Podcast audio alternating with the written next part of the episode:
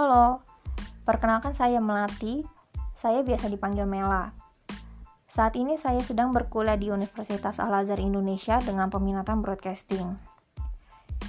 Jadi di podcast saya kali ini, saya akan menceritakan atau mereview tentang kelas virtual yang dibahas yang diselenggarakan beberapa waktu yang lalu. Jadi Universitas Al-Azhar Indonesia bersama Wardah mengadakan sebuah kelas virtual yang diselenggarakan pada Jumat 30 Oktober lalu.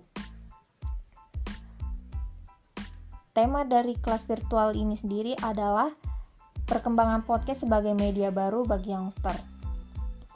Jadi dari tema ini sudah terlihat tujuannya yaitu untuk mengedukasi para mahasiswa dan ma para dan mahasiswi UAI bagaimana caranya untuk memulai membuat podcast yang baik atau untuk mengelola podcast dengan baik. Sebelum saya membahas lebih lanjut, saya akan membahas sedikit tentang per awal perkembangan podcast sebelum cukup digemari seperti saat ini. Perkembangan industri media sendiri selalu mengalami perkembangan tentunya. Yang awalnya hanya media konvensional atau analog, hingga saat ini muncullah industri on demand yang memunculkan tren podcast yang di mana tren podcast ini sendiri dikembangkan dari radio. Podcast semakin diminati karena dari sisi konten, persaingan, dan ekonomi lebih banyak keuntungannya dari media lain. Dari segi konten, podcast lebih khusus dari radio. Kemudian, dari segi persaingan pun podcast tidak kalah saing karena saat ini kebanyakan orang lebih mencari hiburan karena konten podcast sebagian besar tentang hiburan dan kemudahan dalam akses podcast.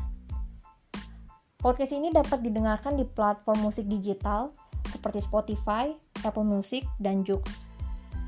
Selain di platform musik digital ini, podcast juga dapat didengarkan di YouTube. Kemudian, yang paling membedakan antara podcast dengan radio ini adalah para pendengar antara kedua media tersebut. Biasanya para pendengar radio berusia di atas 30 tahunan. Mereka memasang radio saat di mobil untuk mengetahui berita lalu lintas atau sebagai hiburan saat terkena macet di mobil seperti itu. Sedangkan mendengar podcast biasanya berusia 18 sampai 22 tahun, di mana rentang usia ini adalah para remaja. Biasanya para Remaja ini mendengarkan podcast setelah seharian beraktivitas di luar rumah, seperti sekolah atau kursus, dan lain-lain. Biasanya para pendengar podcast ini menyukai uh, konten yang menghibur ketimbang konten yang serius seperti politik.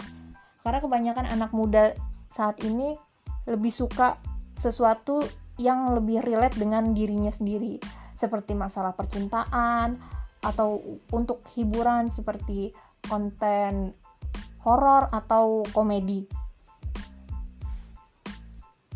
Kan biasanya ini uh, udah capek di sekolah, habis belajar terus uh, butuh sesuatu yang lucu-lucu untuk uh, hiburan seperti itu.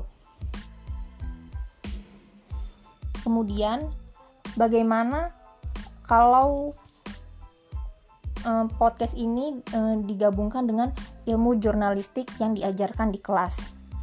Tentu sangat bisa, karena dengan um, memperhatikan kaidah jurnalistik, maka konten yang dibuat untuk podcast ini jadi lebih terarah daripada yang tidak memiliki ilmu-ilmu jurnalistik seperti itu.